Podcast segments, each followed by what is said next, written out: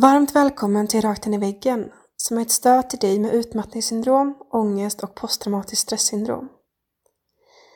I de här avsnitten, som vi kallar för Mixpodd, delar gästen med sig av både sin egen utmattningsresa och sin kunskap i ett specifikt ämne. Du är varmt välkommen att återkoppla till gästen eller till oss på Rakt in i väggen efter att du har lyssnat på ett avsnitt. Vi hoppas att du får en givande lyssning och tack snälla du för att du tar dig tiden att lyssna.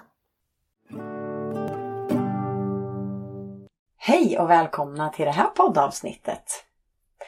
Vi är två som gör det här avsnittet tillsammans och Paula heter jag.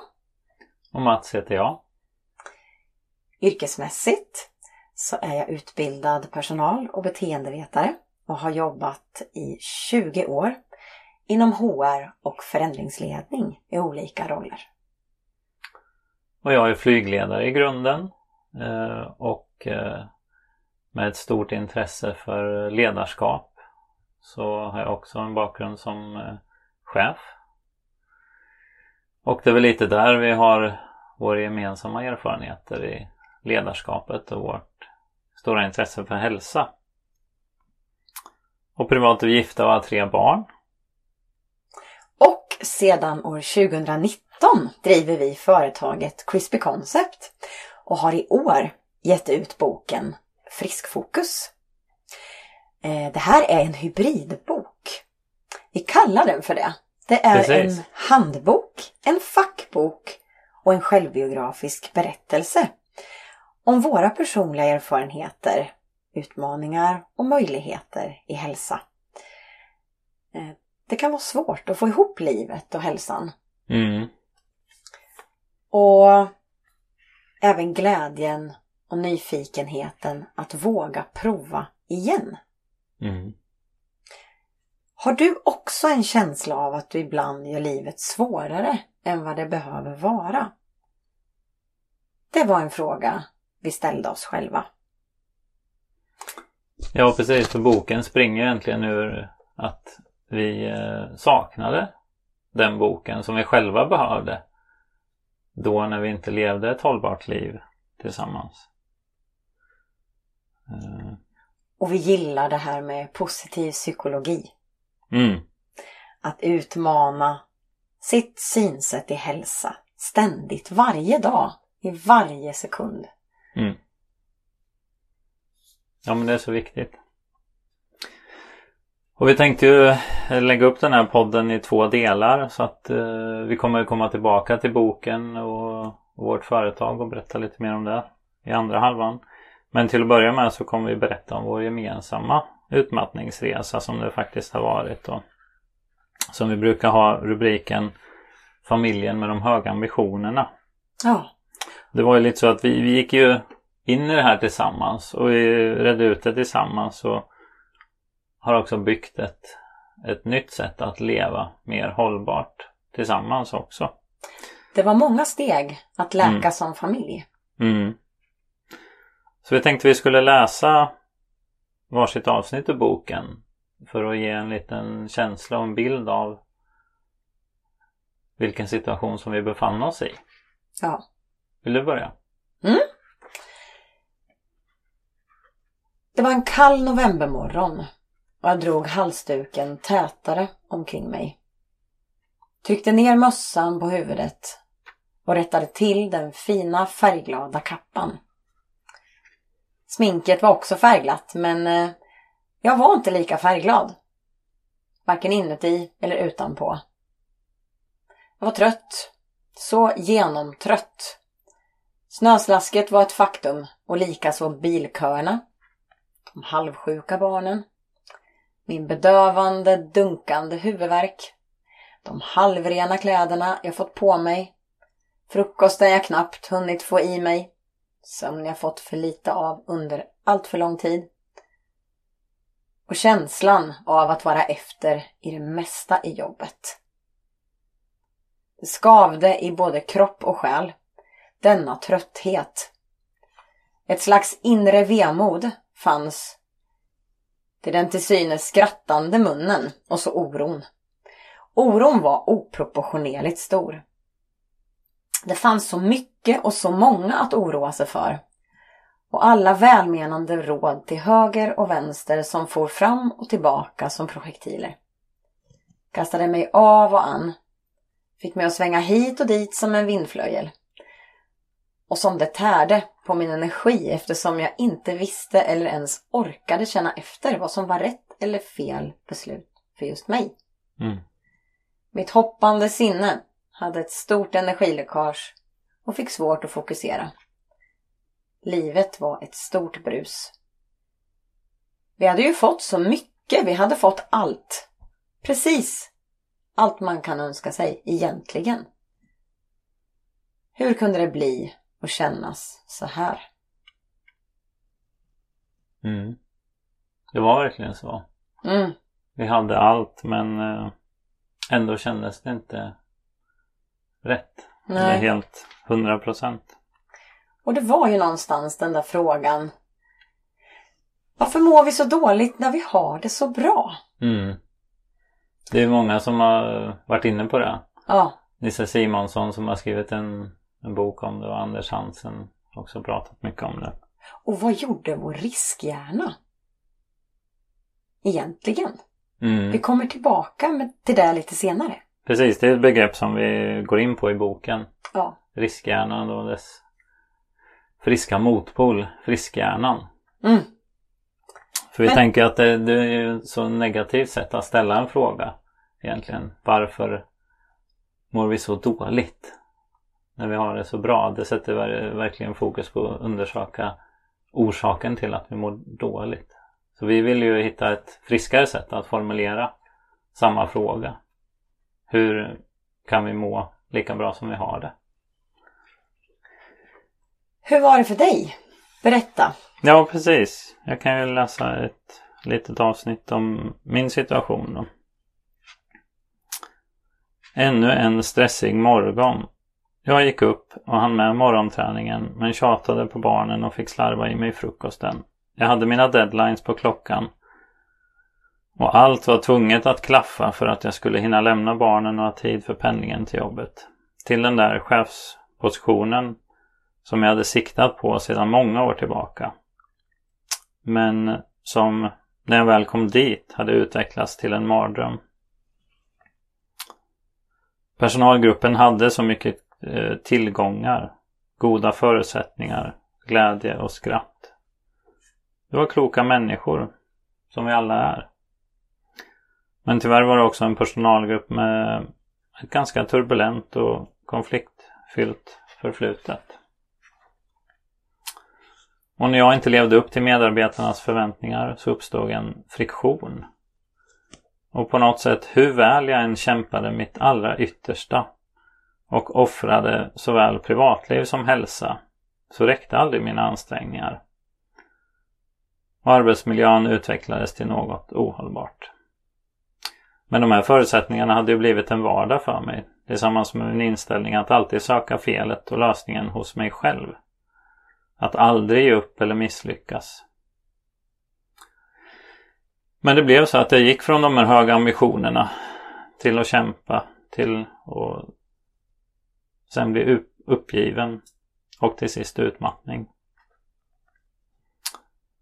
Sjukskrivningen var oundviklig även fast jag hade lyckats skjuta den framför mig under flera år. Sömnsvårigheter, hjärtklappning, ljudkänslighet och irritation och ständiga tankar på arbetet, en oförmåga att kunna slappna av. Alla tecken på hälsosam på ohälsosam stress fanns ju där. Och något inom mig växte sig starkare och starkare för varje dag. En röst som sa Det här fungerar inte. Du kan inte fortsätta så här. Det här är inget liv. Det kommer att ta död på dig. Och på något sätt kände jag samtidigt att jag hade svikit både familjen och personalgruppen samtidigt. Men värst av allt var ju känslan av att ha svikit mig själv. Jag hade allt jag hade önskat men var stressad. Tänkte alldeles för mycket negativa tankar. Och kände mig fullständigt otillräcklig. Jag mådde dåligt. Så hur kunde det bli att känna så här? Mm. Tänk att något man längtar efter så mycket kan göra att så mycket energi går in i det och samtidigt att man kämpar så länge för att hålla kvar en situation som är ohållbar. Mm.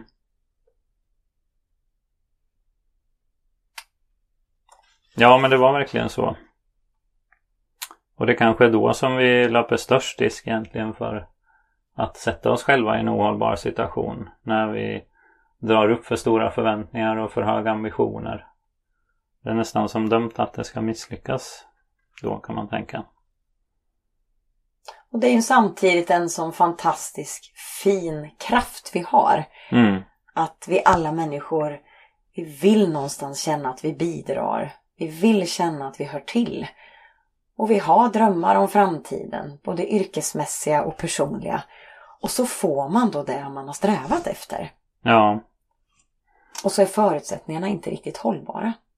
nej precis. Och så försöker vi kompensera det enbart hos oss själva. Mm. Och jag tänkte det var ju lite komiskt att, att jag läste fel där och sa alla tecken på hälsosam stress fanns där. Mm. Ehm, men det, det kanske var någon mening i det för jag menar stress är ju hälsosamt många gånger också. Mm.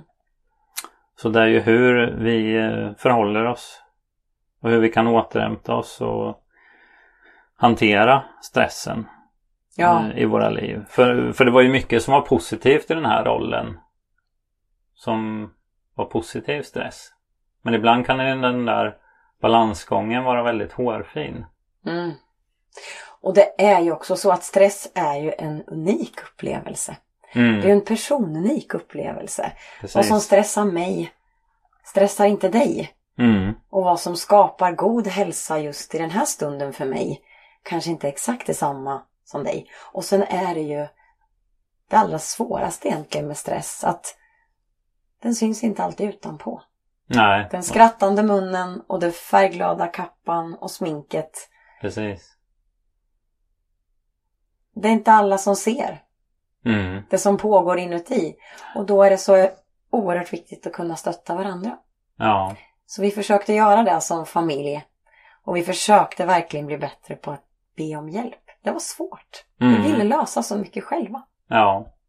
Nej, och det syns ju inte utåt och ibland så ser man det ju inte själv heller. Nej. För man kollar sig i spegeln och ser den yttre uppenbarelsen. Mm. Men man lyssnar inte lika mycket inåt. Så hur kan man då göra, funderade vi på, för att väcka den här inre, friska, hoppfulla rösten. Men framför allt, hur kan man skapa lite mer energi i små, små stunder i taget när man är så genomtrött så att man tror att det finns ingen annan utväg kanske än att bara fortsätta. Man, man nästan vanemässigt fortsätter i samma bana. Mm, För det är svårt att vara klarsynt. I alla fall var det där för oss i ja. de stunderna. Det var lättare att göra som vi alltid hade gjort Mm, än bryta, byta bana. ja. Och på något sätt var det lättare att leva samhällets normer. Och samhällets ide- ideal, det var väl det som tog oss in på den här karriärbanan till att börja med. Där vi båda jobbade 100% i, ledande positioner och samtidigt skulle råda familj och, och hus och sommarhus och, Ja. och allting liksom. Det, det blev ju bara för mycket och jag tror det som egentligen skavde mest var väl kanske att vi inte hade lyssnat och hittat vår egen väg. Nej. Vi lyssnade mer utåt än inåt. Mm. Och det är precis som du säger ju. Vi, vi fick ju så enormt mycket bra som, som kom med det här också. Det var ju roliga år. Ja, Det var intensiva år. Men det var också ett långsamt jag gillar ordet skav. Vi brukar använda det. precis. Ja, det är bra ord. Som, som växte. Mm. Eh, och skav som begrepp, det, det är ju också det där att det är svårt att sätta fingret på. Mm. Det äter sig in. Mm. Sakta men säkert. Ja. Och det fick oss att tappa energi. Mm. Och hur blev vi då med varandra? Hur blev vi då som mamma och pappa? Jag minns den där gången när jag satt i, i bilen. Mm. Hade hämtat de fantastiska, kreativa, fantasifulla barnen på, på dagis. Mm. Och de var fulla av energi och härliga historier. Och det kunde hända alldeles för ofta att jag valde att skruva upp stereon och musiken för att jag inte orkade lyssna. Mm. Och det här, det är väl helt okej att det händer någon gång ibland. Men när Ja, det händer för alla ofta. människor. Ja, Mm. och barnen är ju så fantastiska förebilder i hälsa. Mm. De skrattar mycket. Mm. De är kreativa. Uppfinningsrika. Ganska oskrivna blad. Ja. Nej men någonstans så, så är det ju talande för att då har man gett för mycket av sig själv på ett annat område. Så det inte räcker över till barnen, till eh, sin partner. Till liksom alla viktiga människor som man har runt omkring sig i sitt liv. Mm. Och du och jag är ju sådana att vi gillar ju lev- att leva intensivt. Verkligen! Ja, och det gör vi ju fortfarande. Ja. Eh, men jag tror sättet vi levde intensivt på då att det inte blev hållbart det var väl för att vi levde just någon annans dröm Ja. och ideal. Eh, och vi eh, var nog inte riktigt tillräckligt inåtlyssnande och såg eh, vilka behov av återhämtning vi hade. Mm. Så vi körde lite för hårt. Och körde slut på oss helt Mm. enkelt. Lite för mycket. Och det, var inte, det blev inte hållbart. Nej. Eh, och det är det som vi, som vi egentligen sätter en rubrik på med familjen med de höga ambitionerna. Sen är det ju eh, också intressant hur man, när man bygger lite energi i taget, Mm, ganska hoppfullt och snabbt också kan vända mm, en spiral som är nedåtgående. ja, Ehm, Det var ju mycket som hände där i början när vi fick vårt första barn också. ja precis. Du har ju en liten berättelse. Och det handlade väl mycket om att eh, jag menar alla som får sitt första barn har fått uppleva det vet ju hur magiskt och stort det var. Mm, ja, verkligen. Vår son var ju den mest efterlängtade i världen. Och vi Mm. hade fixat allt. Och Mm. förberett och gla- glatts åt det. Ja, som alla första gång- gångs föräldrar gör liksom. Ja. Mm. Men eh, Men det fick... blev inte riktigt som vi hade tänkt oss där. Nej, det blev ju inte det. Ehm, och det handlade mycket om att ehm, jag blev sjuk. Mm. Två inre infektioner hittades. Eh, Och vid det här läget så var våran son tre veckor gammal. Mm. Ja, precis. Det var ganska direkt efter han hade fötts. Mm. Precis. Ehm, Så det blev ju något, något som man inte alls hade sett komma. Den här tiden liksom med första barnet och, och glädje och ja, livets mirakel på något sätt. Eh, Det blev ju något helt annat än vad vi hade förväntat oss. ja, Så du mådde inte bra där och du blev undersökt. och inlagd på infektionskliniken. Och du Mm. fick ta vid ganska snabbt och ta hand om, Just om det. vår son. Mm. Eh, och jag ägnade mig väldigt mycket inåt eh, till en oro kring min egen hälsa. Ja. Skrevs ut med nya mediciner. Infektionen läkte men, men jag var, blev ett vrak Mm. psykiskt. Jag började känna efter. eh, Och verken fanns där över vänster sida och bröstet och vänster arm. Och det vet ju alla att det är, det är tydliga tecken på att någonting med hjärtat kanske är fel. Ja. Mycket Eh. oro och rädsla där. Ja, Hos oss båda. Och Ja. framförallt hos dig. ja. Apropå den här riskhjärnan som vi nämnde. Ja men verkligen. Mm. Och hur lätt det är att fastna och, och det är ju så enormt viktigt att naturligtvis utesluta med sjukvårdens hjälp att det inte är något allvarligt. Ja. Men sen för min del handlade det också väldigt mycket om att lita till de resultat som Mm. sa att jag var, jag var frisk i den bemärkelsen även om symptomen fanns kvar. Mm. Och det var just att symptomen fanns kvar som gjorde att min oro inte läkte. Just det. Men eh, här hände ju något magiskt när vi sen då Ja, vad blev vändpunkten i det där då? Ja, men vändpunkten var att jag träffade det jag väljer att kalla en friskgymnast. Just det. Det var friskvård istället för sjukvård plötsligt som gällde. Och det som hände i mötet med den här sjukgymnasten då eh, var ju väldigt omvälvande. Och jag hade kommit dit i helt rätt timing. Det konstaterades att jag hade bröstbensinflammation som var skrämmande lika symptom som en hjärtinfarkt. Mm. Och helt plötsligt så kom jag hem med en tejpad axel och inflammationshämmande salva. Mm. Och min oro hade läkt när jag på något sätt förstod att vad symptomen berodde på. Mm. Men att de inte var farliga. Så för min del var det verkligen räddningen. Mm. Så och jag tror nästan en, du eh, såg på mig efter det besöket när jag kom hem. Ja. Ja men det var som att du fick en inre trygghet. Eh, att du började tro på och lita till din självläkande kropp igen. Ja, eh, för verkligen. någonstans under, under de här åren och de olika utmaningarna som vi har stött på. Mm. Både liksom individuellt och tillsammans så har vi ju hela tiden fått bekräftat eh, den här kraften i den självläkande kroppen. Verkligen.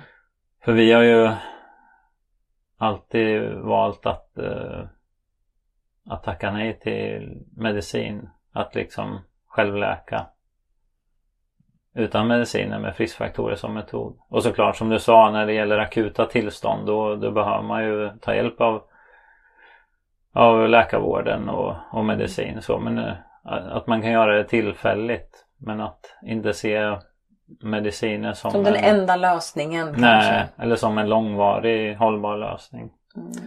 I den mån det är möjligt så har vi alltid haft Ja, den ja men såklart, såklart. Alla, har, alla är ju individuella och det har vi full respekt för så. Men det, det är en filosofi som, Passat oss. som har stöttat oss längs med vägen. Så vad lärde du dig av det där, där och då? Ja, jag lärde mig, eh, jag tycker det här citatet är så fantastiskt fint från Barbara Fredrickson. Mm, Just det där att, om jag får, får ta det på svenska bara, att Mm. just positiva känslor har ju en, och, och röst, den inre dialogen, rösten, ja, precis. har ju en tendens att viska. Mm, Medan de här eh, varningsklockorna, den här riskbaserade rösten, som man får uttrycka det så, mm, har tenderar att skrika. mm, Och att det gäller att försöka hitta olika sätt att skruva upp volymen på den där Precis. friska stämman. Och hur kan man göra då? mm. Vi läste ju enormt mycket. Vill du berätta lite om det? Vi, vi älskar ju att lära oss nytt. Och det är också en del av hur vi har läkt. Ja. Vi brukar ju säga att när, när vi var eh, befann oss i, i det där eh, livet som inte var hållbart så eh, hade vi ingen ork över att vara nyfikna längre. Nej, Men sakta men säkert när vi gjorde små förändringar så byggde vi upp den här nyfikna förmågan igen. mm, Och började lyssna på böcker och läsa böcker och det var då vi, vi fick till oss mycket av det här. Eh, som egentligen la grunden till att vi skrev den här boken och vi startade företaget. För det kan vi också säga att eh, att skriva en bok var inget som vi bestämde oss för för Nej. tio år sedan. Det var Nej. mer att vi, vi hittade så mycket intressant litteratur och forskningsresultat som vi började diskutera. Vi hade ju som sagt hälsa och, och ledarskap som ett naturligt in, intresse eh, från början. Och ju mer vi hittade, ju mer vi diskuterade så ledde det också in på personlig utveckling och att ja, hur man kan leda sig själv i, i livets alla faser. mm. Motgångar och medgångar. Och den här spännande upptäckten att vi någonstans, vi tänker ju, det finns ju olika siffror på hur många tankar vi tänker varje dag. Ja. Och det är ju svårt att säga en exakt siffra på det. Mm. Men att merparten av tankarna tenderar att vara de samma som dagen innan. Mm. Eh, och faktiskt med ett risk, riskfilter. Ja. Så säger det ju en hel del om hur vi också sätter käppar i hjulen för oss själva. Precis. Vi, vi har ju alla utrustade med en fantastisk hjärna. Men eh, den eh, är ju det av, av kroppens organ som drar mest energi. Eh, och kroppen vill ju spara energi och hjärnan också. Så vi har ju egentligen en, ganska lat hjärna som lätt blir bekväm och fastnar i de här som du säger liknande tankar Mm. som dagen innan, liknande beteenden och vanor. Eh, men vi upplevde att den här nyfikenheten hjälpte oss att utmana de här upprepande tankarna, vanorna och beteendena så att vi liksom lite i taget kunde få en smak av andra vanor. Och vi hjälpte ju varandra, kommer du ihåg det så mycket? Mm. Ibland när vi tenderade att komma hem och vi hade ju så mycket att göra. Ja, Och, och någon dag, jag minns inte vem av oss, så kom någon hem och sa Ja, nej men eh, hur har dagen varit? Och Mm. så sa den andra, jo då, nej men vi hade kul vid fikabordet, vi, vi skrattade mycket och eh, jag gick en promenad på lunchen faktiskt, eh, det gjorde jag. mm. Eh, och så fick jag ju nu, han jag cykla, jag tog ju cykeln och, och när jag hämtade barn och sådär men Alltså jag kommer inte hinna gympasset ikväll och det är så synd, jag hade verkligen behövt det. just det. Och vilket fokus var där då? Precis. Det var ju liksom fokus på otillräckligheten Ja. och det som inte hanns med Ja. istället för allt som man eh, faktiskt hade hunnit med. Och det, jag tänker det kommer tillbaka till det där Barbara Fredriksson att negativa känslor skriker åt oss och de positiva viskar. Ja, Så att skruva upp volymen på allt det där som vi hann med som faktiskt var positivt i det lilla. Samtalet med grannen som vi kanske tog oss tid till några minuter. klappade husdjuren lite extra och naturligtvis var närvarande i godnattsagan med Mm. barnen. Lyssnade på deras berättelser. Så det finns ju hälsa i så mycket av det vi gör. Men det är så lätt att eh, riskhjärnan och det negativa eh, överröstar Ja. all, alla de här små positiva upplevelserna av hälsa. Mm. Och sen tänker jag också att man brukar ju prata om det här med tillstånd, hur vi, är i, hur vi mår i tanken, i känslan och i kroppen. Eh, och det är så lätt att eh, när man befinner sig i ett, ett utmanande tillstånd att tänka att det här är för alltid. Mm, Ja, att man är fast där. mm, Fastän i vårt tillstånd är i ständig förändring. Eh, Mm. Känslor uppstår, de existerar och de försvinner. Och det är likadant med tankar och en känsla i kroppen. Vi kanske har verk någonstans men allt går ju över förr eller senare. Ja, och så Det har varit en sån här liten hoppfull tanke som har hjälpt mig. ja, ja, men den har hjälpt oss jättemycket. Mm. För någon period så är det ju också så att om man nu som, som du och jag då, vi råkar älska att jogga. Mm. Och så var det någon period när knät började kärva. En sån där bara enkel liten liknelse Ja. kring någonting där träning har varit så, så viktigt för oss att hålla sinnet öppet och att fylla på med energi. Mm. Och när man då plötsligen inte kan kanske vare sig gå eller jogga en period som det hände en av oss också. Att den där nyfikenheten finns där då. Mm. Att, att det inte blir att man lägger av helt utan kanske tränar armarna eller något sånt. Det låter så enkelt men Mm. det är så lätt hänt att min motivation i alla fall, den går ner så fort. Ja. Och då blir det att det är så lätt för mig att välja att nej, nu gick inte det här heller. Mm. Vad, vad tråkigt, varför händer det här nu? Ja. Och så blir det så lätt en, en, ja, en tankemässig det, spin-off effekt eller vad man ska säga. Mm. Ja, Så det är så lätt att göra sig beroenden av, eller beroende av eh, vissa saker. Eller Ja. liksom komplicerade saker egentligen. Att vi gör det svårare än vad det behöver vara. För att eh, det, det kan ju bli en övertygelse om att jag måste ut och springa för att kunna må bra. Mm. Eh, men vad händer om vi tar en cykeltur istället? Mm. Ja, det kommer ju kännas obekvämt till en början eh, att ta emot. Eller om vi kan nöja oss med en promenad. Mm. Då kommer vi också kanske känna det här, nej men jag, Mm. jag måste springa. Men eh, om man liksom vågar, har ju vi upptäckt, vågar prova andra sätt. Det är spännande. Ja, Mm. då, eh, då händer det något. Och, och visst är det lätt hänt, tänker jag. Mm. Det här med målbilder har vi pratat mycket om. Ja. Friska målbilder. Mm.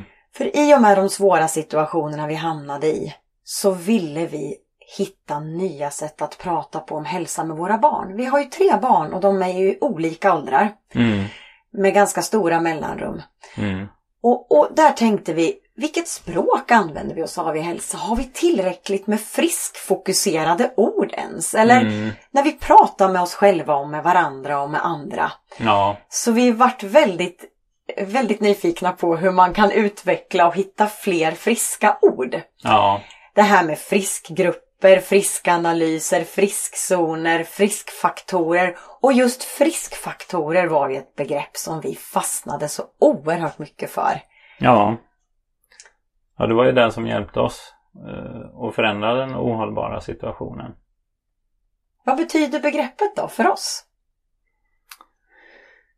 Ja, men det som vi lägger i begreppet friskfaktorer är ju att det behöver inte vara svårare än att, att det visar vägen till ett val. Att jag mår bra när jag. Eller vi mår bra när vi. Eh, Så att man kan hålla det väldigt enkelt. Och som sagt, hälsa ligger ju i så mycket av det vi gör. Mm, Inte bara de här extrema prestationerna som det lätt blir fokus på. Eh, att kroppen ska tränas och att man ska äta och sova och så vidare på vissa sätt. Det är, det är såklart, det, det, det spelar ju sin roll. Men det finns ju så mycket välmående och det som främjar det friska i, i många andra saker. Och det finns så många möjligheter i, i vardagen och även i arbetslivet tänker jag. Mm. och skapa den här dialogen. Och, och där sökte vi en, en modell. Vi sökte fler målbilder egentligen. Mm. Eh, vi behövde befästa dem, både i bilder, i symbolik, i definitioner, i övningar. Och då växte ju våra modeller och verktyg fram som vi själva fick jobba efter. Ja, Och även inspirera andra i och även företag som, som har anpassat och, och jobbar med friskfaktorer på, på lite olika sätt där vi har fått vara delaktiga. absolut. Och vi, vi ska ju berätta mer om eh, verktyg och boken eh, eh, om en liten stund. Men jag tänkte först eh, eh, lite kort om, om den här utmattningsresan. För om man backar bandet då tio år tillbaka i tiden, 2013, då hade jag precis fått den här eh, chefspositionen som jag hade strävat efter i många år.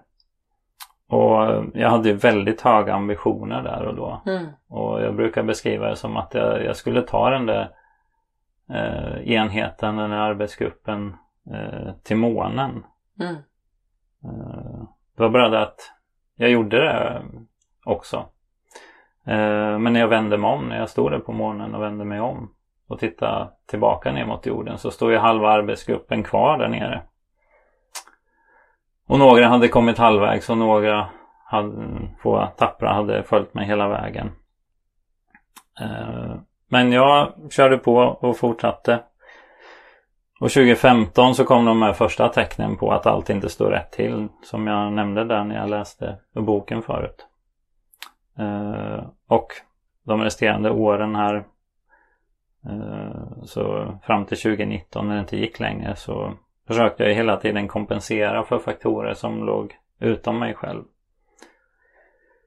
Eh, och jag vet att det var någon som, som läste boken och frågade mig så här, undrar om alla måste lära sig den hårda vägen?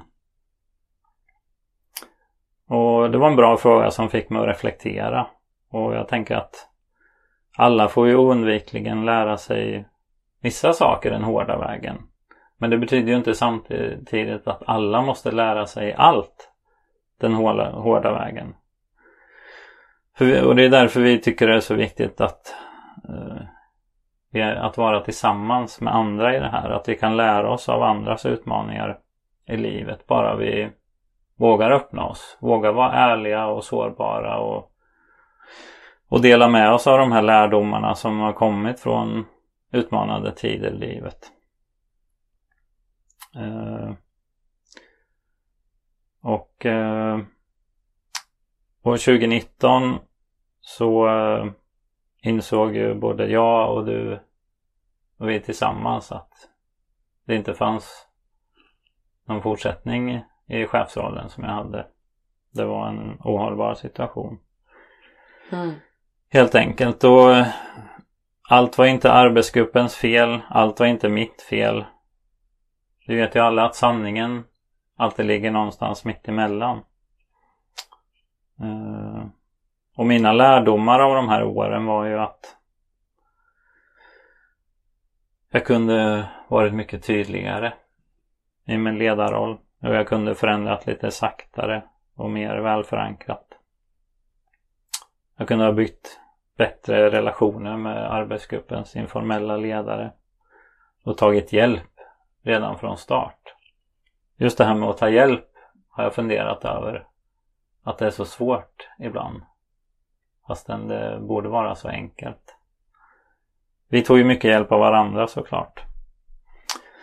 Men under den här sjukskrivningen då så fick jag ju möta mig själv och, och lära mig att leda mig själv i stress på ett nytt sätt.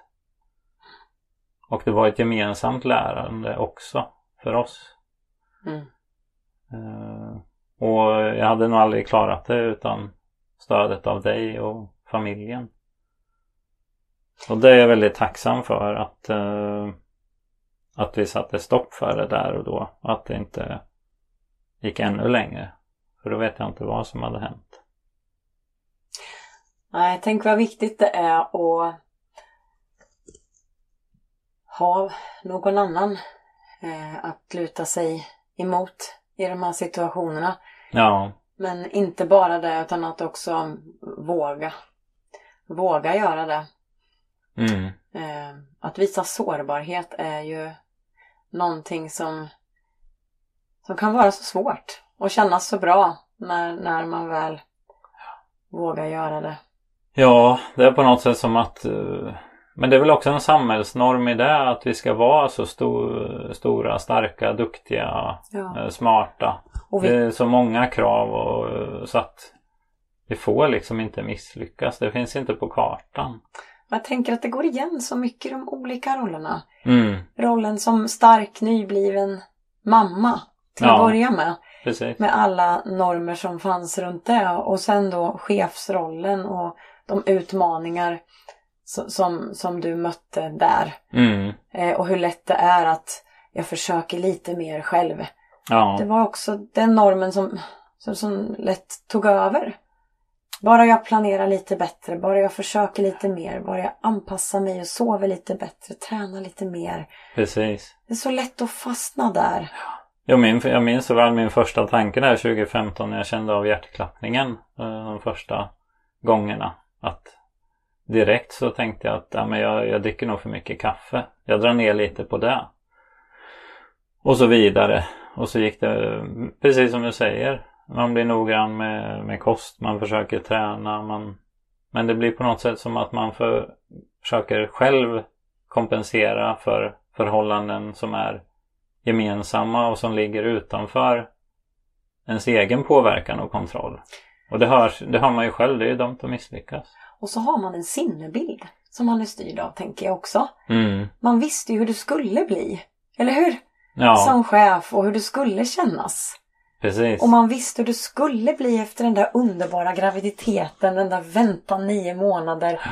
Man visste ju hur man ville ha det. Mm. Och man visste hur det skulle bli. Mm. Och så blev det inte så. Nej. Riktigt. Jag tänker på det här citatet också, No man is an island. Jag tycker det, det är på något sätt lite talande för vår resa.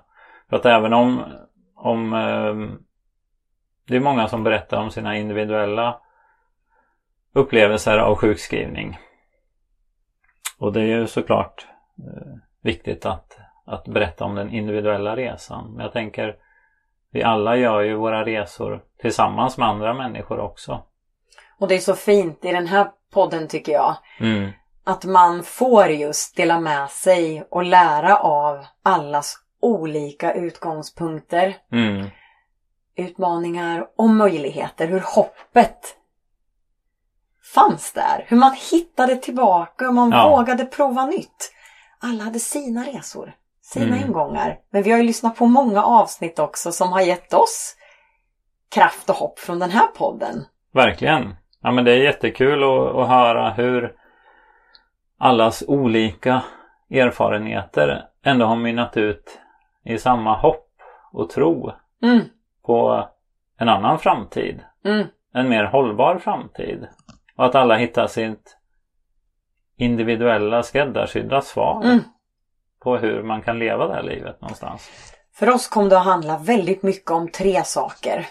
Ehm, rörelse, reflektion och att väcka liv i den där nyfikenheten igen. Ja. För det som är så fint med nyfikenhet det är att det är helt omöjligt att vara stressad och nyfiken samtidigt. Mm. Men hur gjorde man det? Jo, men lite energi. Lite i taget. Mm. Och den började spira. Mm. Eh, Och det tycker jag det är så fantastiskt. Hur, hur det kan gå i en nedåtgående spiral men hur man också både själv och tillsammans med andra kan vända det här. Mm. Eh, och vi skrev. Vi skrev, vi skrev och vi skrev Mm. för att läka. Mm. Och vi läste mycket böcker och då skrev vi och delade med varandra. Sen handlar det också om att hitta sitt inre lugn. Mm. Och reflektion, det är ju så olika vad man lägger in i det. Precis. För oss har det handlat om att skriva, men också att faktiskt kunna hitta byggnader med rymd, om man får uttrycka det så. Olika miljöer. Ja. Ja, Mm. det kunde vara ett bibliotek ena gången, en tom kyrka en annan gång, en eh, konsthall, ett muse, museum. Mm. Alltså, jag tycker det är magiskt hur en sån här byggnad på tre sekunder kan förändra mitt inre tillstånd Mm. utan att jag gör någonting mer än att jag vistas där. Mm.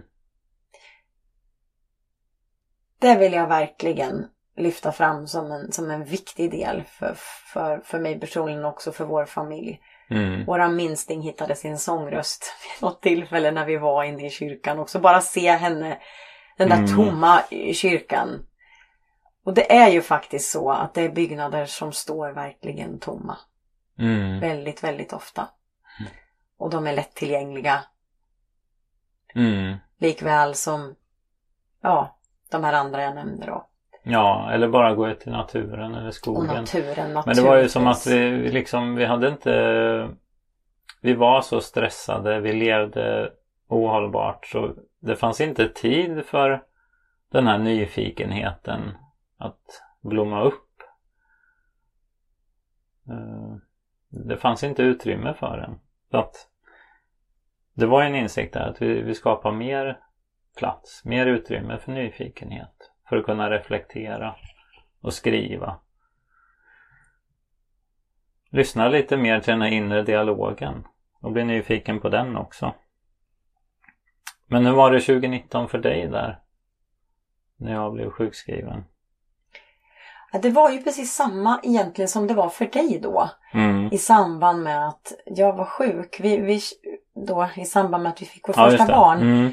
Att det blev ju samma resa för mig som för dig. Att man, man får finnas till hands och lika svårt som det var för dig att se mig brytas ner där. Och, och ja, jag vet inte om du hann berätta något om det. Det var ju också en tuff resa för dig där. Nej men det är ju det, alltså när man är så nära någon och, och, och se att den inte mår bra. För det, det är egentligen det, det enda man vill, att man vill att de omkring en ska må bra. De man har nära sig. Att man själv ska må bra. Eh, så, så det är ju tufft men att, att hitta stödet i varandra där och att, att eh, växla. Växeldra och hjälpas åt helt enkelt.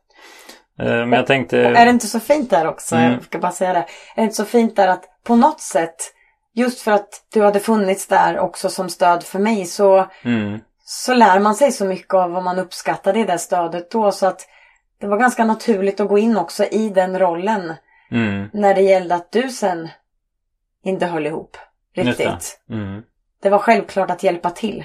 mm. Eh, och sen var det ju så att sen hade vi ju någonting som hände där 2019. Ja precis, Absolut. du gjorde ju en stor förändring där också. Ja men vi gjorde ju den tillsammans Ja. och, och vi, vi valde ju någonstans hade vi ju hittat en tro och en hopp om framtiden trots att det var Ja. väldigt en mörk, mörk stund vi befann oss i. Mm. Ehm, och eh, du blev ju sjukskriven. Och vi valde ju att, ehm, jag, jag valde helt enkelt att, att säga upp mig Mm. och sätta stopp för det sättet som, som jag jobbade på också, Ja. där och då. Eh, Och det, det, det, liksom, det, det förstår vi om, om det låter väldigt drastiskt. Och, verkligen, med tre hemmavarande barn och Ja. Ja. Och så här när man tänker på det och pratar om det i efterhand Ja. kan man ju tänka hur, hur, vad, hur, hur- tänkte vi? Ja. Och hur vågade vi? Ja, Eller hur? precis. Men det, det var ju på något sätt det där som du säger att eh, en, en slags kombination av att vi hade inte något annat val. Vi Nej. kände att det, det var den enda vägen, den enda rimliga vägen framåt. Mm. Hur stor risk eh, den innebar att en, en var sjukskriven och ändå samtidigt eh, hoppade av eh, en, ett tryggt jobb efter 13 år. Ja, och jag minns ju de här reaktionerna såklart utifrån. Ja, När jag gick in och, och, och hade sagt upp mig då, då och jag, hade ju liksom ett, ett bra ställe jag var på. Mm, Ehm, men det fanns också en dröm om en annorlunda framtid. mm, Eh, och den hade tagit över. Nyfikenheten hade tagit över. precis. Eh, och jag minns att folk, men hur vågar du? Mm, Hur, hur, men, har inte ni tre barn hemma också? Hur, okej. Ehm, och någonstans så var det väl det svaret jag kunde ge där och då. För jag var helt lugn i mitt beslut. Och det var ju vi tillsammans. ja, Det var fullständigt lugnt och stilla där och då. Ehm, och då var det snarare svaret vi hade och som vi gav till alla. Men, men vet ni om vi inte ens vågar prova. Så kommer vi ångra det. Det är det enda Ja. vi vet. Vi, Mm. vi kommer bara att prova. vi kunde inte låta bli Kunde inte enkelt. låta bli, Vi bara måste. Ja, Mm. och det var en, vad vi vill säga där, det är en sån hälsosam kraft. Ja, När man har fått läka i, i, i några olika steg och lärt känna sig själv och lyssna inåt. Det Mm. vet ju alla som har fattat de här enormt viktiga besluten som blir långsiktiga. ja, För jag tror att det är Dan Hasson som, Mm. som också pratar mycket om det här, vikten av eh, han är ju stressforskare och framstående eh, och så. Eh, mm, om hur, hur, vill ni ha, hur vill ni ha det istället? ja, hur, hur viktigt det är att, att sätta de här friska utgångspunkterna, målbilderna, ställningstagandena och jobba sig fram mot dem. ja, Vägen kommer inte vara rak, nej. men målet är klart. Liksom. Mm. Och då visste vi utifrån ett antal friskfaktorer som vi hade hittat. Ja. Även om vi inte var där då så blev de våra målbilder. Och ska vi nämna lite om friskhjärnan och eh, även hälsostjärnan tänker jag. Ja, vi Ja. kan komma in på det här lite grann nu. Ja, Eh, men jag tänkte först skulle jag gärna berätta den här eh, insikten som vi fick eh, på Öland när vi gick längs med det var ju den som ledde till vårt verktyg. där. Ja, det kan Ja, man säga. Ja, ja. precis. Så Eh, när vi befann oss där på stigen och gick längs med havet. Det kanske var en morgon vi hade gått upp och solen var på väg upp. Så kände vi att vi, vi mådde väldigt bra där och då. Eh, vi, lyssn- vi kunde lyssna inåt. Tankarna fick plats. Eh, relationen utvecklades och vi, vi skrattade och eh, hade roligt tillsammans. Mm. Och blev kreativa och nyfikna Mm. tillsammans. mm, och vi var nära naturen. Vi var också fria från mobilerna, de här digitala distraktionerna som, som kan hjälpa oss med mycket men som också kan hjälpa oss mm, och distrahera oss. Och kroppen var i rörelse. Så vi hade ju alla de här sex olika dimensionerna av hälsa, de här friskfaktorerna. Så någonstans där var det en insikt att ja men det är ju det här. Det är det här eh, som allt handlar om. Det är det här som vi strävar efter någonstans. Det är det här liksom som mm, här vill vi vara oftare. mm. Skulle det vara möjligt att skapa lite mer av det här i det lilla i vardagen? Mm. Även när vi inte befinner oss här på den här stigen län- längs med havet. Och det var ju där du som du säger som hälsostjärnan och boken och företaget växte fram. Ja. Eh, Och de här målbilderna eh, som sagt.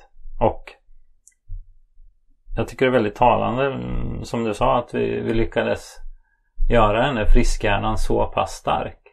Att vi blev trygga i en jättestor förändring. Eh, där vi lämnade något som som många tyckte var ologiskt att lämna. När vi föreläser nu för tiden Ja. eh, för olika yrkesgrupper Mm. så brukar vi ha en bild som vi visar. Men vill du berätta vad, vad friskhjärnan står för? Ja, men det är den som ser friska möjligheter oftare. Eh, och, och, och stärker och boostar dem helt enkelt. Och den hjälper oss med friskare begrepp, med ett friskare språk. Som vi också skriver om i, i boken. Eh, Det är så roligt det där när vi väcker, när vi väcker frågor till folk. Och, Ja, och ni som lyssnar, återkom gärna till oss med om ni kommer på egna friska ord som borde finnas. precis. Vi har fått in ganska många olika förslag eh, till oss. Ja, Som är riktigt, riktigt fina. Mm. i varje föreläsning så poppar det upp nya friska idéer och, och Mm. begrepp. Eh, Och det är kul att se att, att eh, man med liten inspiration kan eh, väcka den här nyfikenhet och, och ge friskhjärnorna en riktig boost Mm. i, i sammanhanget där. Ja. Det här med en hälsa och flera hälsor till exempel. Ja, Att det, det repre- representerar verkligen det här med mångfald i hälsa och så vidare. Att alla har olika utgångspunkter. Så vi ja ger exempel på lite sådana i boken också. Som vi både hämtat ifrån oss själva och från andra. precis. Ehm, Nej men mm. det handlar ju mycket om att bygga den här tilltron till, till den inre eh, förmågan att faktiskt utvecklas i hälsa och välmående. Att eh, eh, vår personlighet är ju inte fixerad utan vi kan utvecklas och förändras. Men eh, det finns ju många bra idéer men eh, som Robin Sharma säger No idea works unless you do the work. Och vi, vi gillar ju många olika citat och det är ett av dem de vi gillar för att det visar ju att vi själva behöver våga prova för att få nya lärdomar och kunna lyckas. Och att det är okej att misslyckas också. Mm. För ett misslyckande är ju bara en miss i lyckande. Så Mm. att det är bara en del av resan helt enkelt. Och alla våra erfarenheter är ju skräddarsydda för oss på det här viset. För det är där vi känner att i de här i våra tuffaste utmaningar i livet så har vi hittat de största möjligheterna. Ehm, Men eh, friskfaktorer då? Vad betyder det för dig? Ja, men det, det är precis som du säger. Det är ju, vi har ju något slags motto i, som vi har haft från, från företagsstarten egentligen. Mm. Att fokusera på det friska, att uppnå det friska. Precis. Eh, och våran, våran hälsostjärna bygger ju på tre plus tre friskfaktorer kan man säga. Ja men det är ett bra sätt att beskriva dem på. Ja, Mm. tre inåtblickande och tre utåtblickande. Och det är faktiskt eh, eh, sex stycken olika hälsor kan man nästan säga. Ja, Det är tankehälsa, själshälsa och kroppshälsa som är inåtblickande. mm. Och så har vi de utåtblickande som är digital hälsa, naturhälsa och relation. och relationshälsa. Mm. Och de har vi satt definitioner och dagliga övningar på. Mm. Och är så spända och nyfikna på hur läsarna kommer relatera till dem. Mm. Eh, och hitta sina definitioner, sina sätt att öva på och komma på mängder med nya övningar och gärna dela dem med oss. Ja, Eh, och det ska vara korta små övningar, till exempel två minuters leendet. ja. Det är fantastiskt. Mm. Det är jobbigt att le två minuter, hur är det möjligt? Mm. Och det tar någon minut och sen sprider det sig upp till ögonen och så smittar vi varandra med det här. Mm. Det är så härligt. Och där igen är barnen våra bästa inspiratörer. Ja. Ehm, och, och den här hälsostjärnan, den hoppas vi att man tar till sig av och på framsidan så finns det också en oregelbunden stjärna. För det första handlar ju om att förhålla sig med friskhjärnan till den här stjärnan, eller hur? Precis. Att man inte ser här brister jag, här brister jag, utan Mm. här är jag stark idag. Och det vill jag hålla i. Mm. Och idag provar jag lite tankehälsa. Låt mig se, får jag se vad finns det för övningar? Ja. Men jag kom på en egen övning. Där väcks nyfikenheten. Ja. Eh, och fånga stunderna, de små stunderna. Mm. För att bygga den här energin som är så avgörande för ett gott liv Ja. och lycka. Ja, just det, de med insikten och att vi fångar lärdomarna och kommer på att ja, men så här definierar jag själshälsa Ja. för mig. I boken har vi ett uppslag och vi vill ju verkligen inspirera till egna tankar och idéer. Ja, Eh, Så det är inget facit som vi levererar i boken utan det är förslag. Det kanske är en början till din definition av men själshälsa. verkligen. Men du äger den ju helt själv. Och vi skriver också det här att det perfekta ligger i det imperfekta. Eh, De här uddarna i hälsostjärnan och de olika friskfaktorerna är ju i ständig rörelse. Fram och tillbaka, upp och ner. Hur man vill beskriva det. Man kan nästan se som att stjärnan rullar framåt och att man stödjer sig på en eller ett par uddar i taget. Ja. Eh, och att man får chans att prova Mm. från dag till annan. Mm. Kan vi inte nämna något, något om den här World Happiness Report också? Som verkligen befäster ju. Eh, där, där Finland då har, har eh, ja men är då världens lyckligaste land. Sjätte året i rad eller något. Och som jag. bara befäster Mm. det här lyckan och hälsan i det lilla. Mm. I skogen, i bastun, i, Mm. i det härliga kallbadet kanske, om någon tycker det är roligt Mm. och härligt. Ehm, Samtalet med grannen igen. Ja, liksom... hundpromenaden. mm. Ehm, och, och framförallt känslan av att livet är sårbart. Ja. Livet är sårbart och varenda gång det händer sådana saker som drabbar oss alla, någon närstående blir sjuk, kanske till och med går bort. Vi har ju varit med om sådana såna delar också. Mm. Väldigt Mm. tuffa sådana situationer att hantera. Ja. Den närstående gått bort alldeles för tidigt. Mm. Eh, och att då hitta påminnelsen att, att försöka hitta lyckan i det lilla Ja. eh, blir viktigare. Jo men det är ju på något sätt det där liksom att eh, bara vi är och handlar en liten eh, i affären.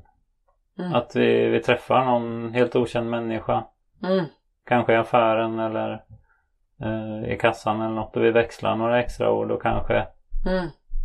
eh, skapar lite glädje där i det lilla. Ja. Hur, hur stor skillnad det gör. Jag tänker på den här kulturkartan också. Att Ja. Sverige eh, placerar sig ganska extremt eh, på den. För att vi är både individuella Mhm. och eh, också sekulariserade. Mm. Eh, att vi liksom har släppt eh, eh, mycket av den här religionen och så. Och vårt budskap är inte att man, man eh, måste bli religiös. Men vi tror att, att hitta sitt personliga sätt att eh, utöva själshälsa och hantera meningsfullhet och, och sådana frågor. Mm. Eh, existentiella frågor. En viktig Eh, pusselbit. Ja, och det finns inget rätt eller fel där igen. Det är som med hälsan. Mm. Att hitta, hitta ditt eget sätt. Ja, men där hoppas vi som, som, som du säger att boken verkligen ska bidra med, med, med just synsättet på själshälsa och hur, hur konkret den också kan vara i vardagen. Mm. Och hur, hur man kan börja bygga en massa byggstenar i den. Ja. Eh, och vi, vi älskar ju verkligen det vi gör idag. Mm. Eh, att få chansen och vi känner stor tacksamhet att få göra det vi gör. Mm. Eh, vi föreläser, vi håller webbinarier. Vi har sålt en massa ex av boken redan och vi är Mm. så tacksamma för alla som vill ta del av den och ge sin syn tillbaka till oss på hur, hur ni har relaterat till den och hur vi kan ta del av era fantastiska resor. Mm. Eh, och få ännu mer boost i, i hur vi tar oss vidare i livet och de utmaningar som fortfarande finns och alltid kommer att finnas. Ja. Men att stärka möjligheterna i det lilla. Mm. Och vi jobbar ju även i det systematiska arbetsmiljöarbetet givetvis med utgångspunkt i då våra yrkesroller Ja. tidigare då med den erfarenheten vi har i att också utmana företag och Mm. befästa eh, arbetet med friskfaktorer ja. och har då hjälper gärna fortsättningsvis till där. Ja, för den här modellen, hälsostjärnan, eh, kan ju även eh, tillämpas i det organisatoriska eh, Ja. arbetsmiljöperspektivet. Ja, där kollegor kan på ett strukturerat sätt, för det här är ju en coachingmodell. Mm. En självcoachingmodell men också en coachmodell Ja. mellan kollegor, vänner, bekanta, släkt, familjemedlemmar, barn som vuxna. Det är Mm. fantastiskt att se hur olika man kan relatera Ja. till de här delarna. I, Lära av varandra. I arbetslivet pratar man ju också om, ofta om det här med work-life balance. Att det ska vara balans mellan arbete och fritid eller övriga livet. Så, men vi tänker ju snarare att vi vill främja life balance. Mm. Att det är det allt handlar om. Mm. Att arbetet en del av livet. Men det är egentligen livet som står i fokus. Och att vi är ju samma människa på jobbet och i fritiden egentligen. Det är bara att vi, vi ägnar oss åt olika saker. Så behoven finns ju kvar. Vi har själsliga behov även på jobbet. Eh, av att känna meningsfullhet och sammanhang. Vi har relationer på jobbet. Mm. Eh, och så vidare. Och prova och, och variera mellan att skriva på tangentbordet och att ta en, en, en klassisk eh, papper och penna och mm, skrivandet läkte så enormt mycket Mm. eh, i vår resa. Ja men det gjorde det verkligen. För det, det har varit vårt sätt att reflektera och kan vi spela in ett litet eh, röstmemo. Ja. Eh, bara dina tankar just nu. Mm. Eh, eller en insikt just nu, en idé. Eh, men det är ju på något sätt att när vi springer fortare och fortare så tappar vi också tiden för att för att få utrymme för det där och göra den där eh, reflektionen. Eh, Men den här positiva psykologin som boken springer ur har ju verkligen hjälpt oss. Jag tänker på det här som Christer Olsson säger att det är lättare att göra bra bättre än att göra dåligt bra. Och det där är ju ett friskt fokus i det lilla. Vad är det som fungerar bra? När mår jag bra? Kan jag göra lite mer av det? Lite oftare? Från riskfokus till friskfokus helt enkelt. Mm. Precis. Mm. Så vi hoppas ju att vi har väckt er nyfikenhet med den här podden. Eh, både på våra resor, på den teori och forskningsgrund som eh, boken vilar på. Men också på de här modellerna och verktygen. Att, eh, du får jättegärna höra av dig till oss. Eh, beställer man boken direkt från oss så får man den ju signerad. Och det ingår också en eh, minikurs i form av eh, tre fem minuters lektioner som skickas till din till din e-post. Sen tycker vi ju så mycket om att anordna små tävlingar så att vi lottar ut priser till våra bokkunder med jämna mellanrum. Och Yes. givetvis är det priser som stärker hälsan på Mm. olika sätt. Ja. Eh, och connecta väldigt gärna med oss på LinkedIn. Mm. Eh, vi finns på Instagram, vi finns på Facebook givetvis.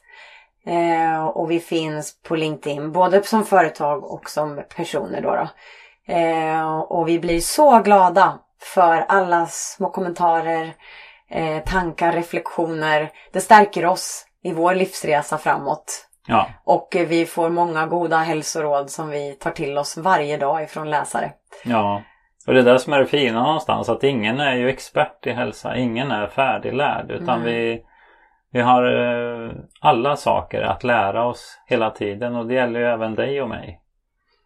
Eh, det finns många som gör mycket rätt. Både individuellt och, och i företag och organisationer. Men vi tror på att vi alltid kan lära oss nya saker.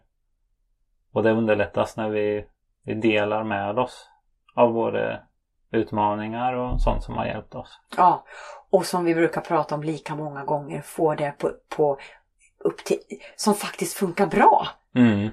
Att befästa och stärka det och inte ta det för givet. Vare sig det handlar om på arbetet eller på hemmaplan. Mm. Eh, Så dela med sig till varandra och få det här personliga samtalet, den här ärligheten, den här sårbarheten. Ja. Att våga lägga lite mer i den här frågan. Hur mår du? För det är ju så, så lätt att, att man svarar på den lite snabbt. Precis. Men våga vara personlig helt enkelt. Eh, och med det så vill vi tacka dig som har lyssnat Ja, verkligen. på den här podden. Och vi hoppas eh, höra av dig. Det vore jättekul att få ta del även av din berättelse, dina tankar, dina reflektioner, även efter det här avsnittet. Mm. Och tusen tack för att du fick medverka i en sån fantastisk podd, tänker jag. Som har Ja. redan har inspirerat oss otroligt mycket i de avsnitten. Vi ska fortsätta lyssna vidare på några Tusen fler tack. avsnitt. Mm. Tack så mycket. Tack! Tack. Hej. Hej! Vill du också medverka i Rakt in i väggens podcast? Besök vår hemsida för mer information på www.raktinivaggen.com medverkan. Om du vill tipsa oss om en poddgäst eller om du har en fråga eller synpunkt på det vi gör kan du alltid mejla oss på podcast raktinivaggen.com för att få svar. Tack för att du lyssnar.